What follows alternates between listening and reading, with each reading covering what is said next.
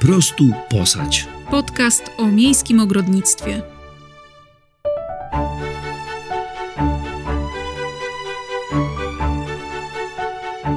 Cześć, jestem Joanna.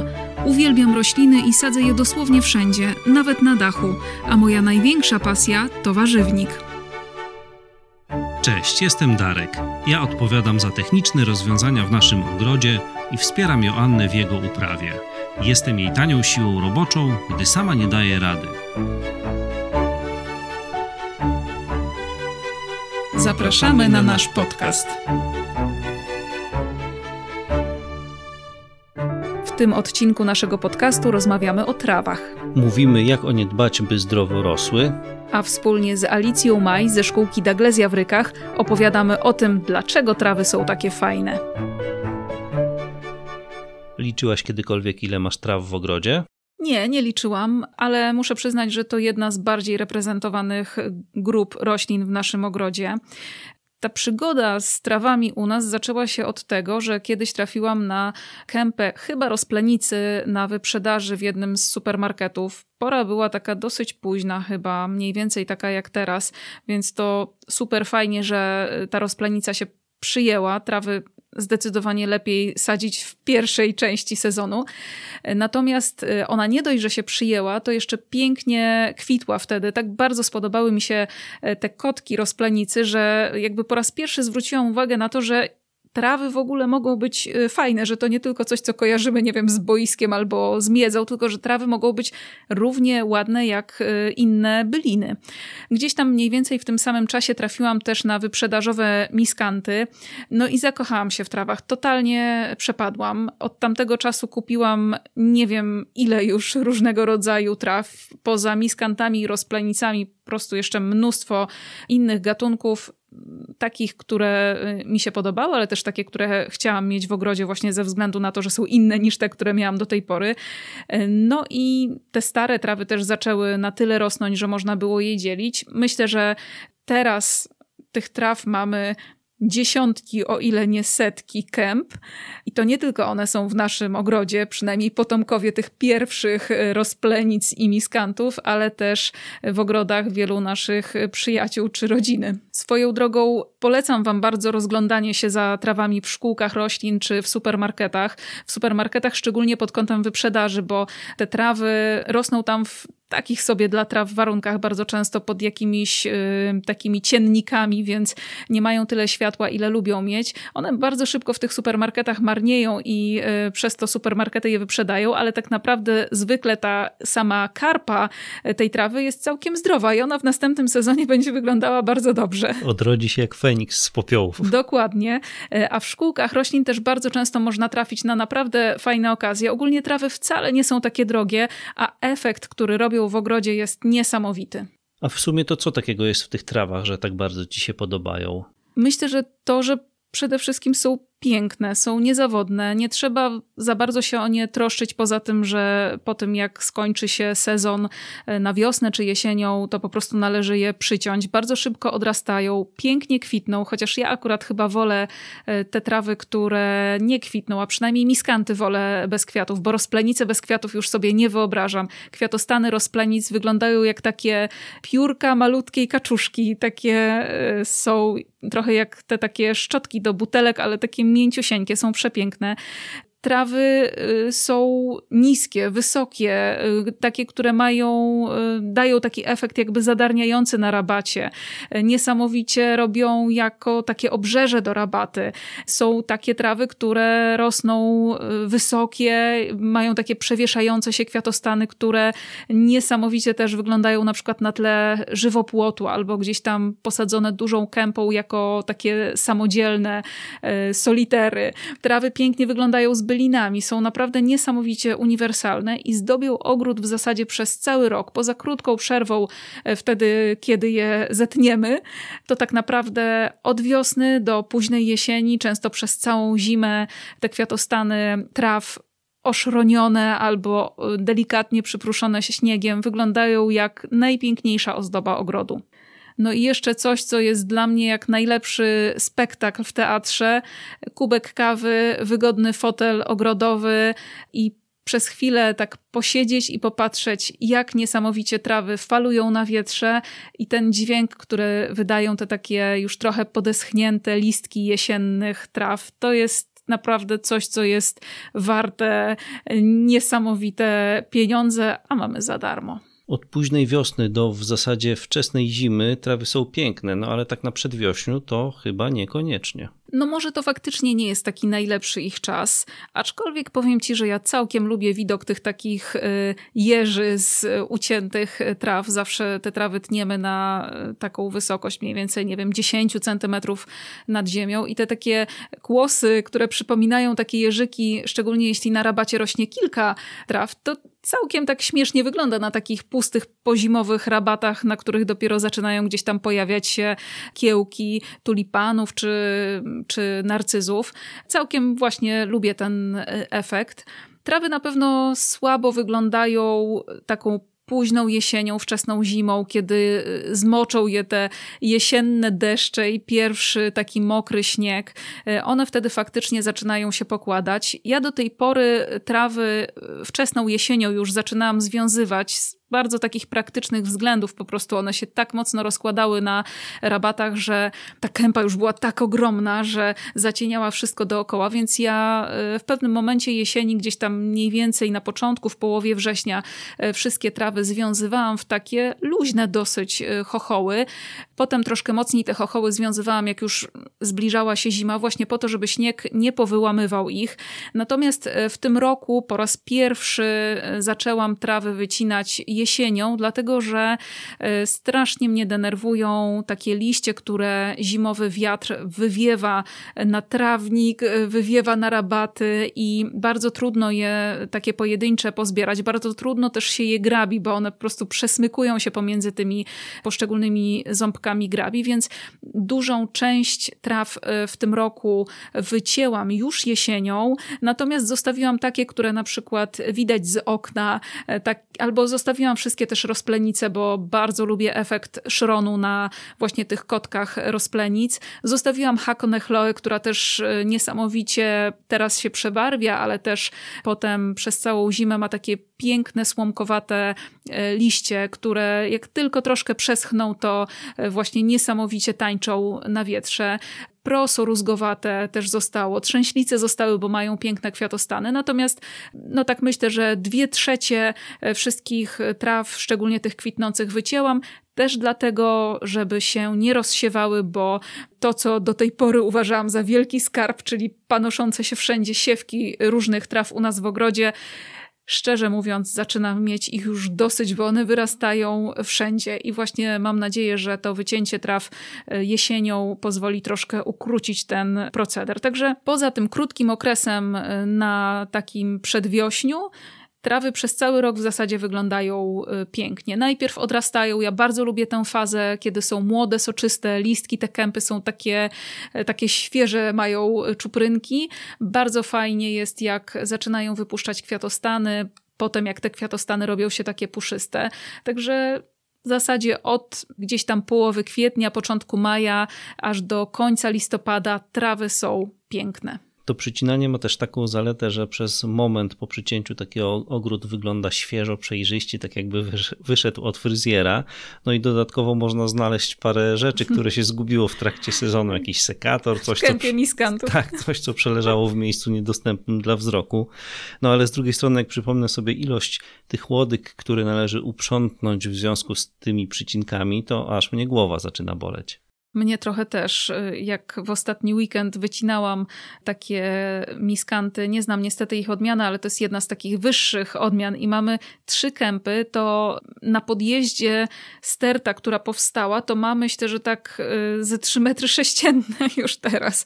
A to jest tylko jedna z trzech kęp, które rosną w ogrodzie i dodam, że nie wycięłam wszystkich tych miskantów, bo część właśnie takich, które chciałam sobie zostawić ze względów estetyczno-widokowych y, te, które rosną po prostu na e, widoku z okien, e, czy z salonu, czy z kuchni, to jeszcze ich sporo zostało. Także myślę, że jeszcze przynajmniej jedna taka wielka kępa będzie, sterta będzie z miskantów, a do tego jeszcze mnóstwo rozplenic, proson. No tych traw jeszcze tak naprawdę nieprzyciętych zostało e, całe mnóstwo.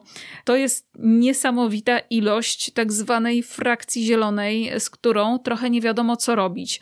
I ja e, do tej pory e, starałam się trochę tak wykorzystywać ten materiał do różnego rodzaju takich prac ogrodowych. I na przykład y, te miskanty, które wycinaliśmy teraz jesienią, planuję po ucięciu im kwiatostanów, po to, żeby mi się to y, nie rozsiewało, y, umieścić na, po, po delikatnym też poszatkowaniu, umieścić na dole skrzyń na warzywa, które planujemy stworzyć wiosną na naszej działce, na ogródkach działkowych. To jest bardzo fajna taka baza na dolną tą warstwę takiej skrzyni, którą potem oczywiście kolejnymi warstwami, kompostem i ziemią będziemy wypełniać. To jest też po poszatkowaniu i po właśnie odcięciu tych kwiatostanów bardzo fajny materiał do ściółkowania na przykład malin albo rabat takich, które gdzieś tam może niekoniecznie są na widoku, bo też te e, łodygi miskantów nie wszystkie są takiej samej grubości. Generalnie to, to nie jest jakiś tam szczególnie estetyczny materiał.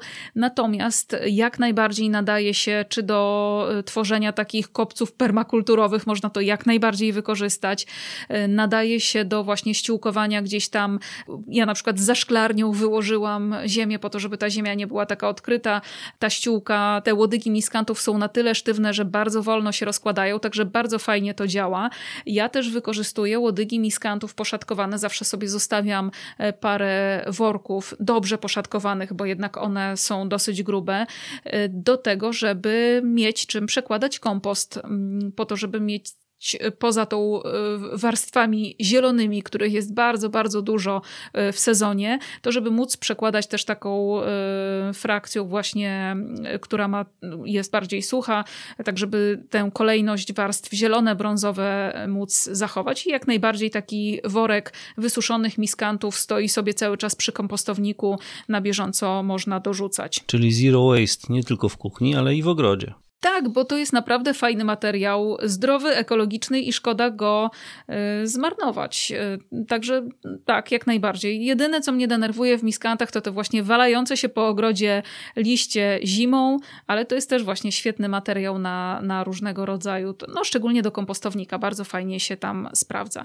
I jeszcze jedna rzecz, o której bardzo bym chciała wyraźnie powiedzieć, żeby nie śpieszyć się za bardzo z usuwaniem traw na wiosnę, jeśli zobaczymy na przykład, że jest połowa kwietnia, tutaj świat w rozkwicie, jabłonie kwitną, wszystko buzuje, pszczoły latają, a nasza rozplenica na przykład ma zero liści. Trawy mają to do siebie, że czasami po prostu mają trochę takiego focha i im się nie śpieszy i e, zanim wyrzucicie trawę na amen, uznając, że nic z niej nie będzie, bo yy, przemarzła, radzę wam jednak ją zostawić. Mam za sobą parę przynajmniej takich doświadczeń, że taka zostawiona kępa, nawet jeśli nie faktycznie yy, przemarzła trochę i nie odbiła od razu pełną, piękną yy, rozetą liści, to wypuściła parę pojedynczych liści, które w ciągu sezonu się rozrosły, rozrosły, rozrosły, rozrosły i e, ta trawa bardzo fajnie się odbudowała, a też jest już całkiem nieźle zahartowana. Także nie ma się co śpieszyć z takim wyrzucaniem traw. Trzeba dać im trochę czasu. 99% przypadków raczej, że taka trawa się jednak pojawi. No i jeszcze jeden ważny temat, czyli nawożenie. Tak, zwykle jak wrzucam gdzieś tam na Instagrama zdjęcia naszych traw w ogrodzie, to wszyscy pytają: Wow, jakie piękne, czym je nawosisz? No z trawami jest tak, że one generalnie świetnie radzą sobie y, same. Jeśli mają przynajmniej takie przeciętne gleby. Choć oczywiście są też takie trawy, które wcale nawet tych przeciętnych gleb nie potrzebują. Na przykład taka wydmuchszyca piaskowa, jeśli ma właśnie piasek pod korzonkami, to czuje się bardzo dobrze. To jest taka trawa, która rośnie na wydmach. E, albo kostrzewy, które y, znamy na przykład z takich sosnowych lasów, gdzie też jest dosyć tak taka piaszczysta gleba. I te trawy bardzo świetnie sobie poradzą bez jakiejś tam większej opieki na, na całkiem takiej nawet mizernej glebie. Są takie trawy, które pochodzą z ich taką jakby miejscem pierwotnym są miedze, pobocza i tak dalej, jak śmiałek darniowy, jak się dobrze przyjrzymy e, śmiałkowi, to to są takie trawy, które znamy właśnie z pobocza drogi. On też jakby, e, jeśli go posadzimy i damy mu spokój, będzie czuł się e, bardzo dobrze. Ja nawożę e, trawy niektóre u nas w ogrodzie, rozplenice na przykład nawożę, niektóre miskanty, a nawożę te, które rosną na krawędzi tarasu, tam gdzie kończą się płyty betonowe, a zaczyna się trawnik, dlatego że y, te trawy zostały posadzone w bardzo słabej ziemi. Jak to przy budowie tarasu panowie zostawili różnego rodzaju skarby y, w tej ziemi i te trawy też jakby wrastają trochę pod taras. Dlatego tym trawom, które mają takie gorsze warunki u nas rośnie właśnie rozplenica, miskanty, hakonechloa też rośnie w takiej rynience jakby pomiędzy dwoma betonowymi płytami. One dostają ode mnie na wiosnę gnojówkę z pokrzyw. To jest tak na, na samym początku sezonu i to jest w zasadzie jedyne, co im daje. Zdarza mi się czasami, że jak nawożę trawnik, to gdzieś tam doleci trochę właśnie do tych traw nawozu, ale to wszystko jakby nie skupiam się za bardzo specjalnie na tym, żeby, e, nie wiem, kupić jakiś specjalny nawóz do traw albo żeby, nie wiem, trzy razy w roku nawozić trawy myślę, że zupełnie nie ma e, takiej potrzeby. To jest też taki problem, że jak przesadzimy e, z dostarczaniem trawom azotu, to może faktycznie urosną im bujne liście, chociaż pewnie niekoniecznie aż takie dorodne, sztywne i zdrowe. Natomiast e, trochę może być problem z kwiatami. Także tutaj z, z tym nawożeniem byłabym ostrożna, szczególnie jeśli mamy w ogrodzie fajną albo przynajmniej przeciętną glebę. A zatem podsumowując, sadzić dużo, bo ładne. Nie przesadzać z nawożeniem, jeśli ziemia jest niezła i ciąć wiosną lub jesienią. Dokładnie tak. Zresztą posłuchajcie, co o tym, jak dbać o trawy w ogrodzie, mówi Alicja Maj, która dosłownie przed swoim rodzinnym domem ma narodową kolekcję miskantów. Gość po prostu posać. Cześć Alicja. Cześć. Kilka razy miałam już e, okazję spacerować po e, waszym rodzinnym ogrodzie pokazowym w Rykach. E, swoją drogą jest to niesamowite miejsce, bardzo Państwa do niego zapraszamy. Znajduje się w szkółce Daglezja w Rykach przy ulicy Zielonej, jeśli dobrze pamiętam. Tak, zgadza się. to nie tylko taki ogromny ogród y, skomponowany po mistrzowsku i mówię to naprawdę bez y, żadnej przesady, z pięknym szkieletem y, z iglaków, z niesamowitymi drzewami liściastymi, nietypowymi odmianami, z pięknymi krzewami liściastymi. Ogród uzupełniony niepospolitymi bylinami, bo poza tymi, które znamy na co dzień, y, można też tam natknąć się na takie perełki ukryte gdzieś tam y, na poszczególnych rabatach, ale przede wszystkim takim waszym znakiem rozpoznawczym są trawy, bo jesteście autorami Narodowej Kolekcji Miskantów. Możesz nam trochę więcej opowiedzieć y, o tym waszym ogrodzie, a przede wszystkim tak, skąd oczywiście. pomysł na tę Narodową Kolekcję? Znaczy, ogólnie to zaczęło się jakieś 22 lata temu, bo ogród ma właśnie tyle lat. E, I moi rodzice zaczęli go tworzyć jako taki ogród przydomowy. E, I taki, takie było początkowe założenie. E, z tym, że na początku kolekcjonowali iglaki. To były jakieś sosny, świerki, tego rodzaju roślinność. I właśnie to był na początku taki ogród nawet troszkę bardziej może zimozielony, y, z takim uzupełnieniem drzew y, liściastych, mm-hmm. ale z czasem okazało się, że podróżując moi rodzice znaleźli też te trawy i głównie właśnie miskanty. W tych miskantach się zakochali i mm, na każdych wyjazdach próbowali jakoś je kolekcjonować, zbierać i doszło do tego, że teraz mamy już blisko 380 odmian miskanta chińskiego. I tą kolekcję mamy właśnie część na ogrodzie, część właśnie też przy szkółce, tam teraz też mamy nowe ogrody założone, które e, również można odwiedzić, można zwiedzać. I tam jest ogród typowo z kolekcją traw. E, I tam można zobaczyć właśnie kolekcję narodową miskantów, można zobaczyć e, inne trawy, takie jak prosa, trzcinniki, śmiałki. I to jest właśnie takie, takie miejsce, w którym można zobaczyć, jak to wszystko wygląda. I tak cały czas rozbudowujemy te nasze ogrody. 380 odmian miskantów tak. Właśnie już się zbliżamy do tej liczby teraz, 380. Nawet tak. sobie nie wyobrażam. Znaczy, mam jakiś obraz z waszego tego ogrodu właśnie pokazowego przy Zielonej i tej takiej rabaty, która jest y, mocno miskantowa. Tam faktycznie można zobaczyć, jak niesamowicie miskanty jeden od drugiego potrafi się znacząco różnić opowiesz trochę o tym, czym charakteryzują się miskanty, czym się różnią i jakie perełki można wśród nich e, znaleźć. E, Miskenty tak naprawdę są bardzo różnorodne, bo można znaleźć naprawdę niskie odmiany, gdzie mają około 60 cm, do takich, które mają 44 metry, a nawet e, tak jak e, Miskantutarius parius, który może mieć nawet 6 metrów, więc ten przedział taki wysokościowy jest naprawdę bardzo duży. Miskanty też się wyróżniają tym, że niektóre na przykład kwitną, inne nie kwitną. Wyróżniają się też właśnie tymi kwiatostanami. Mają przeróżne kolory, przeróżne formy i ta różnorodność jest naprawdę duża, z tym, że też te miskanty wcale nie są trudne w uprawie, e, ponieważ my tutaj na przykład jak mieszkamy na wschodzie kraju, mhm. E, nasz ogród jest, e, to my nie okrywamy tych traw. One, my je sadzimy, najlepiej je sadzić właśnie tak jak na wschodzie, to jest od wiosny do takiej jesieni, bardziej wcześnej, wczesnej jesieni, żeby te, te rośliny się ukorzeniły. I ich nie trzeba okrywać, nie trzeba nawet specjalnie nawozić, też to nie jest wskazane. I one sobie świetnie radzą w naszych warunkach. A gdybyś miała powiedzieć o takim swoim ulubionym, swojej ulubionej odmianie miskanta, to czym się charakteryzuje? Raczej wyższa, raczej niższa, jasne listki ciemne, a może te takie kędzierzawe czuprynki?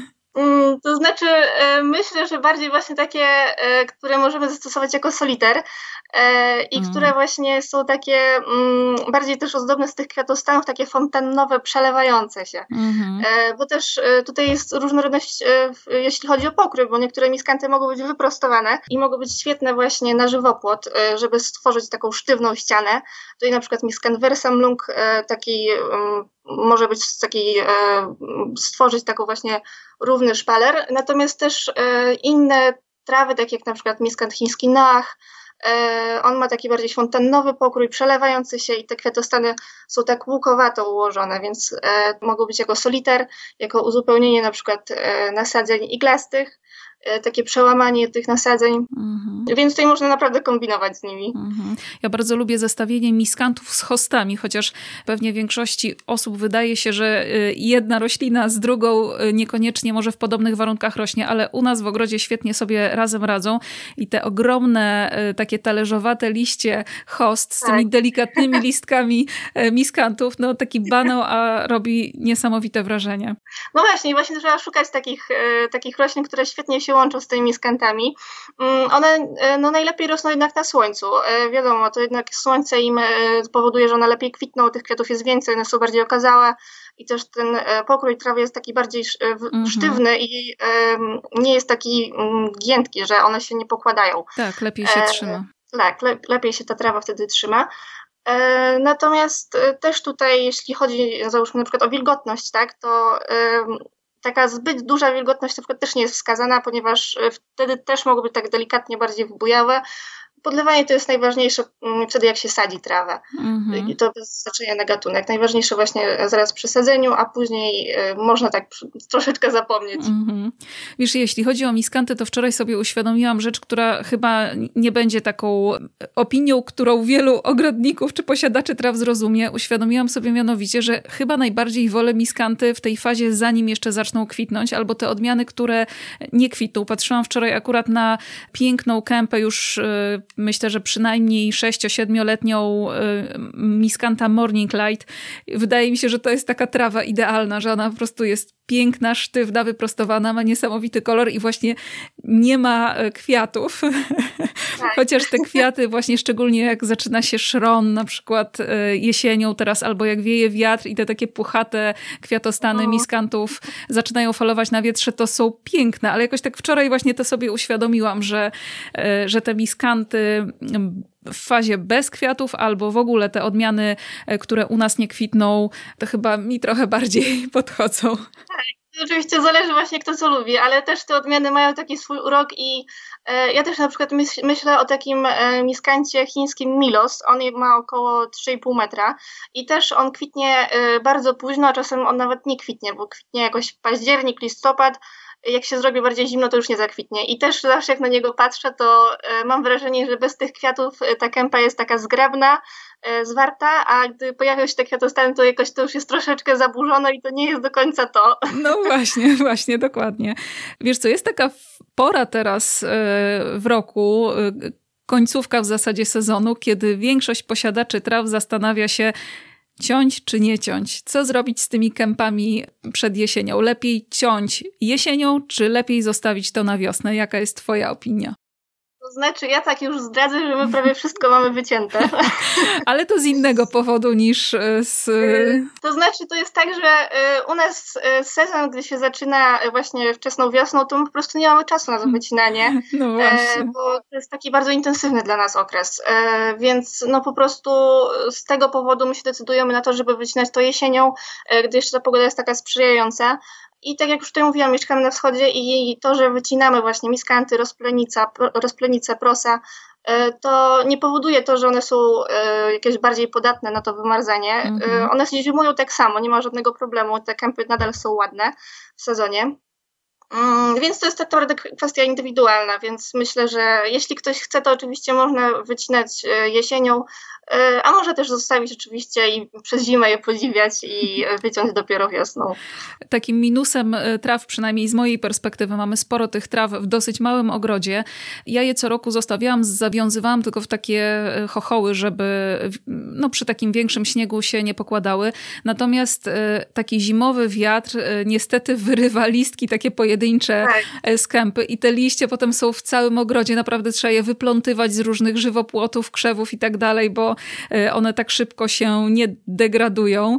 No i drugi taki minus z mojego punktu widzenia to jest to, że e, akurat miskanty, ale też trzęślice na przykład potwornie się sieją, potwornie, naprawdę. Ich siewki są dosłownie wszędzie po zimie, więc jeśli komuś bardzo nie zależy na tym takim efekcie wizualnym, to faktycznie e, lepiej e, ściąć je jesienią. I ja właśnie w ten weekend e, rozpoczęłam ten proces po raz pierwszy tak naprawdę, odkąd mamy trawy w ogrodzie, od no ładnych myślę, że 10 lat, po raz pierwszy część traw ścięłam jesienią, zostawiłam sobie tylko kilka kęp właśnie takich na ozdobę, po to, żeby mieć mniej pracy pracy wiosną, po to, żeby nie wyrywać tych siewek, e, no i żeby te liście właśnie nam się gdzieś tam nie przewracały po ogrodzie potem. Tak, właśnie też myślę, że jak e, te trawy trafią na takie dobre warunki, to jednak mogą się nieźle rozsiewać. Mhm. Natomiast też to zależy od tego, czy chcemy tego, czy nie, bo jeżeli e, dla nas to jest, może być pozytywne, ponieważ tak jak na przykład załóżmy, u nas są na części ogrodu rabaty preriowe, Mhm. I e, załóżmy śmiałki czy molinie, jeżeli nam się rozsieją, to my je po prostu zostawiamy. Dla nas to nie jest problem, ponieważ to ma być taka rabata naturalistyczna i to ma być taki trochę miszmasz. Tak. E, więc e, to jest jak najbardziej fajne. Natomiast problem może być, jak się wsieje coś, czego nie chcemy. I u nas na przykład teraz w tym roku wsiał się trzcinnik piaskowy, no, który jest jednak uważany za chwast, bo może nieźle się porozsiewać i jednak te rośliny zagłuszać, które powinny tam rosnąć, które my tam posadziliśmy. I tutaj e, no myślę, że będziemy jakoś próbować się jeszcze akurat jego pozbywać, bo no nie chcemy tutaj go mm. za mhm. bardzo tak e, w tych rabatach. Chociaż nie wygląda źle, ale widzimy, że może e, się go pojawić za mhm. dużo już w następnym sezonie. Tak, jeśli damy mu miejsce, to on już się tam rozgości tak, że trudno tak. będzie go wyprosić. No tak. Będzie szans. Dużo rozmawiamy o miskantach. Miskanty to jest taki wasz wyróżnik w sumie w ogrodzie ze względu też na e, tą narodową kolekcję, ale w waszym ogrodzie jest całe mnóstwo innych traw. I ja szczerze mówiąc zakochałam się, teraz przeklinam, bo one są ogromne, ale zakochałam się w waszym ogrodzie w e, takiej ogromnej trzęślicy właśnie na, na tych rabatach takich po prawej stronie od e, stawu. Jakie tam zobaczyłam, to powiedziałam, że muszę mieć. Mam, ale nasz ogród nie jest tak duży jak nawet jeden z waszych ogrodów, więc one zaczęły być trochę takie przytłaczające, natomiast są na pewno piękne. To ogromne, ponad dwumetrowe chyba trawy, prawdziwe takie okazy. Myślę, że jako takie solitery gdzieś tam wyglądałyby, albo właśnie na takiej rabacie jak u was, yy, przepięknie. Jakie jeszcze trawy macie w swoim ogrodzie, gdybyś mogła troszkę nam opowiedzieć? To znaczy myślę, że właśnie te trzęślice to jest jednak taki temat, który też próbujemy troszkę bardziej tak e, rozpowszechnić, żeby mm, ludzie troszkę chętniej je kupowali, bo to są naprawdę trawy takie trochę jednak niedoceniane, e, bardzo ładne e, i tak uzupełniają te rabaty, powodują, że właśnie te pędy są mm, ułożone tak, że widzimy to, co jest za tą trawą. Mm -hmm. Tak jakby są takie prześwity, więc to jest bardzo fajne, że one wypełniają tę przestrzeń, ale jej nie przytłaczają. Robią wysokość, tak jakby, a te liście w ogóle tak liście jakby nie istnieją. O, może tak, nie są aż tak, tak widoczne na rabacie. Więc to jest bardzo fajne. Natomiast też trawy, które e, świetnie się nadają w naszych warunkach, to są na przykład prosa, e, prosa rózgowate. I tutaj też jest wielka gama odmian, bo można, to co jest na przykład teraz bardzo takie pożądane e, i widzimy, że jednak klienci bardzo tego szukają, to są trawy, które mają czerwone liście mhm. lub czerwone się przebarwiają bardzo szybko. No to właśnie prosa mogą być taką odpowiedzią na, to, na te poszukiwania ponieważ na przykład proso Squaw Select albo proso Shenandoah E, to są prosa, które e, przebarwiają się bardzo szybko na taki purpurowo-czerwony kolor. I ta kolorystyka może być takim fajnym akcentem w mhm. ogrodzie, plus one rosną w kępach, czyli one się nie rozrastają rozłogami e, po ogrodzie, tylko mamy tą jedną kępę i, i ona nam tutaj zostaje. I te kwiatostany jak taka niesamowita chmurka w takim właśnie jesiennym kolorze. Piękne są faktycznie. Tak, więc tutaj prosa e, też to może być e, takim fajnym akcentem. No też są odmiany takie o zielonych bardziej liściach, liściach czy takich e, nawet niebieskawych. Tu można naprawdę mm, wiele ich znaleźć. I tutaj też może tak troszeczkę wtrącę. Na naszej stronie deglezjaryki.pl jest 2D traw i tam zaczęłam opisywać i fotografować wszystkie trawy, które mamy w ogrodzie, w kolekcji. I to nie są tylko miskanty, tylko też właśnie na przykład prosa, trzcinniki, molinie, sporobolusy to są e, różne trawy i tam można znaleźć wiele zdjęć tych traw i opisy, właśnie jak one wyglądają, plus wymagania tych traw. E, można sobie znaleźć takie, takie ciekawostki, można sobie wyszukać o niektórych odmianach. Natomiast trawy, które też e, myślę, że taki zaczyna się troszeczkę taki szał, to są właśnie te sporobolusy, o których mm -hmm. przed chwilą powiedziałam. Też tworzą taką mgiełkę kwiatostanów, Mm, troszeczkę może podobną e, do prosa. Mhm. E, plus e, te sporobolusy, niektóre właśnie mają, wytwarzają taki zapach.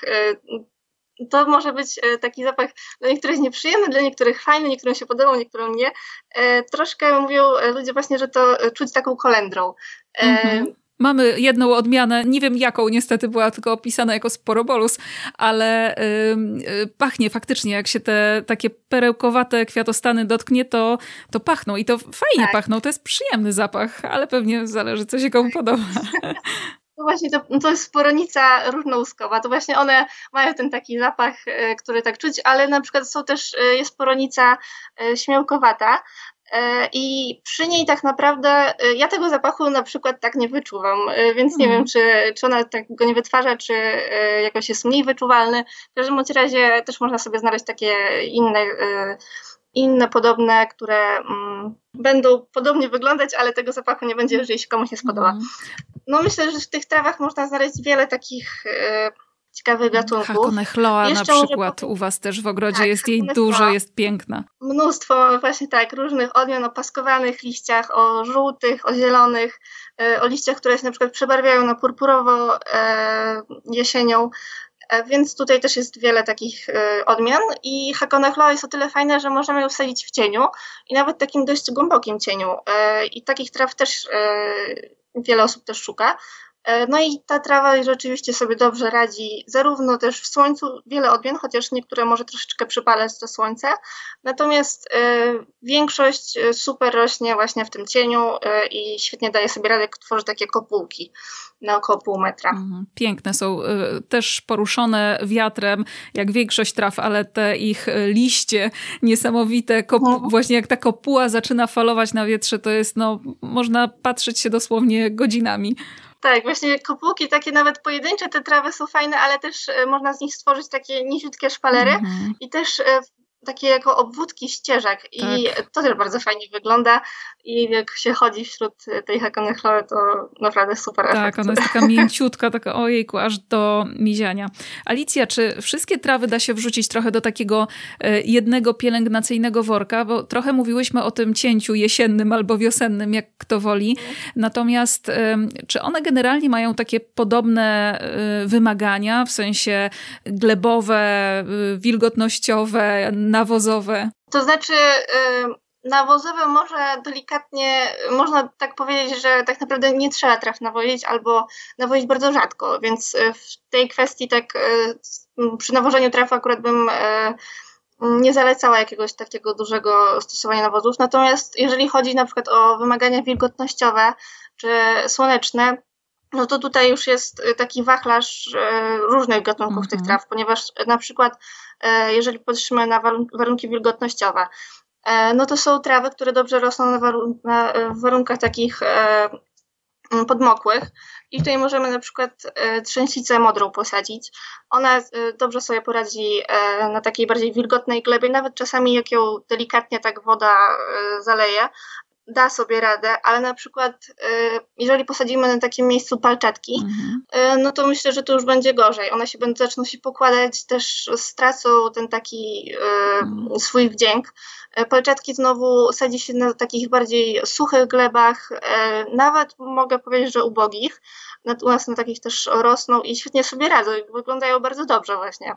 Więc to zależy od gatunku. Troszkę właśnie zanim posadzimy, to trzeba się jednak zapoznać e, z tą trawą. Mhm. Ostatnio sporo, w tym roku, może nie, nie tyle ostatnio, ale w tym roku sporo osób narzeka na to, że rozplenice im nie kwitną.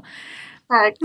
To jest jakiś specyficzny rok, czy bo w sumie moje wielkie rozplenice Black Beauty, które w zeszłym roku były przepiękne, w tym roku faktycznie nie mają kwiatów. Nic z nim nie robiłam. Właśnie y, to jest y, tak, dużo osób do nas mm. pisało, czy y, co tu zrobić, czy to już jest czas na dzielenie, czy ta kępa już jest za stara, ale tak jednak w tym roku się powstrzymuję od takich stwierdzeń, że to już trzeba koniecznie dzielić, że ta kępa jest za stara, ponieważ ten rok faktycznie taki jest specyficzny. U nas też wiele rozplenic po prostu nawet nie rozkwitło, a w tamtym roku kwitły świetnie. Mm, i widać, że one już, już jednak nie zakwitną. Mm.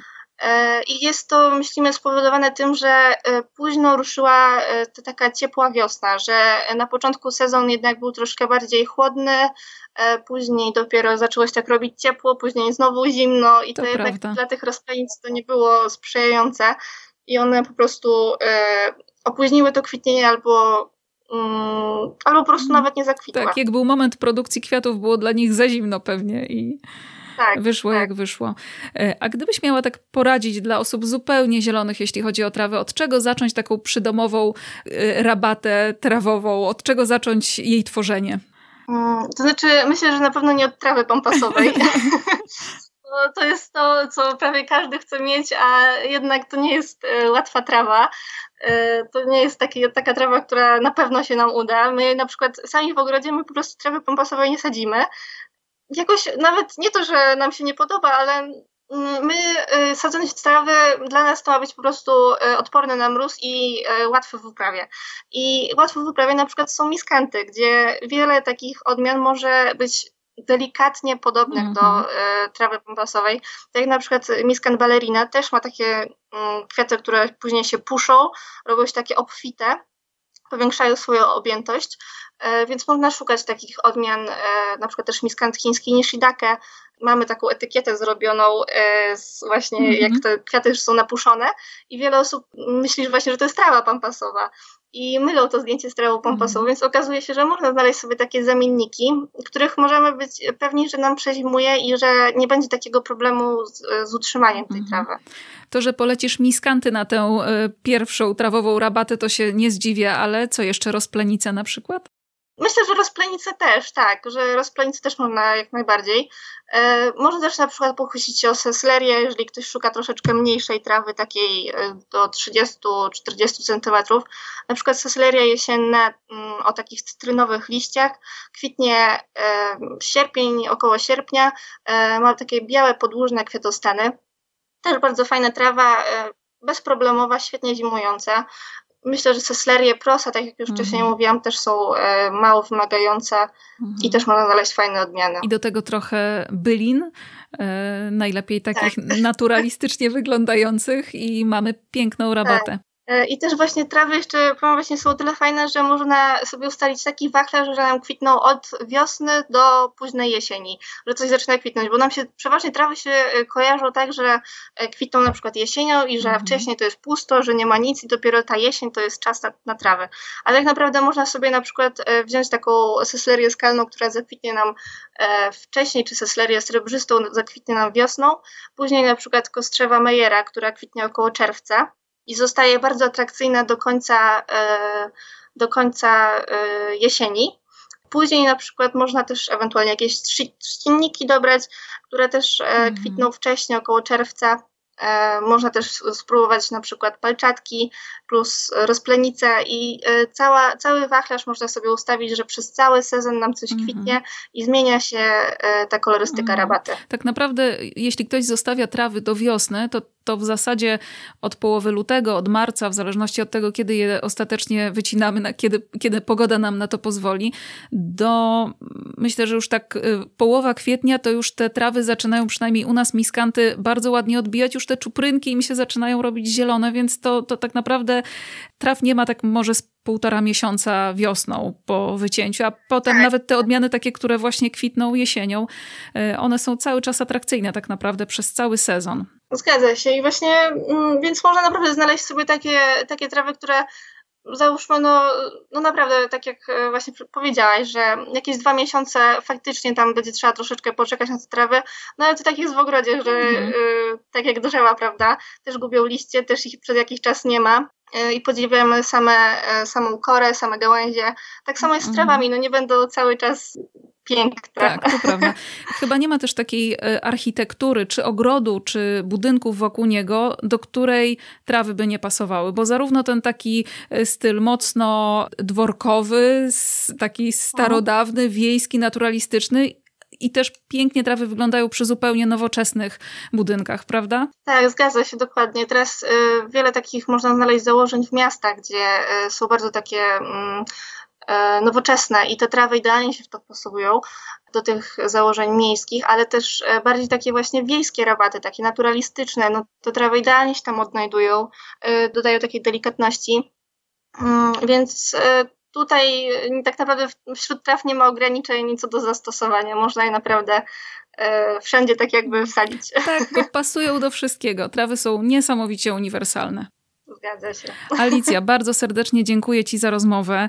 E, w Twoim imieniu i w imieniu Twoich rodziców jeszcze raz serdecznie zapraszamy Was wszystkich do pokazowego ogrodu Daglesia w Rykach przy ulicy Zielonej, a ta druga część tak. E, trawiasta, gdzie się znajduje, przypomnij jeszcze? E, to jest ulica Okopowa 60, to jest przy naszej szkółce, z tym, że teraz już myślę, że to na następny sezon zapraszamy taką wczesną jesienią, będziemy otwierać znowu ten ogród więc to jak najbardziej myślę, że tutaj zachęcam do, do odwiedzin. Wczesną wiosną.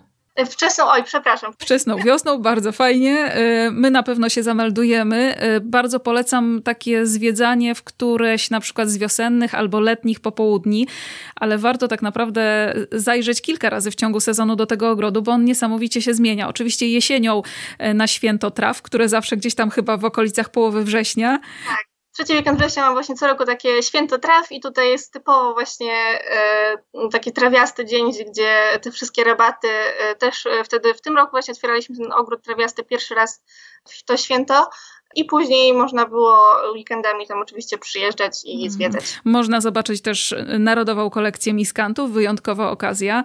Także bardzo zapraszamy na żywo y, do ogrodu pokazowego. Bardzo zapraszamy na instagramowy profil Majowe Ogrody z kropeczką pośrodku, majowe.ogrody, na którym do zobaczenia są fragmenty ogrodu państwa y, Majów i niesamowite, piękne y, zdjęcia roślin w różnych porach roku.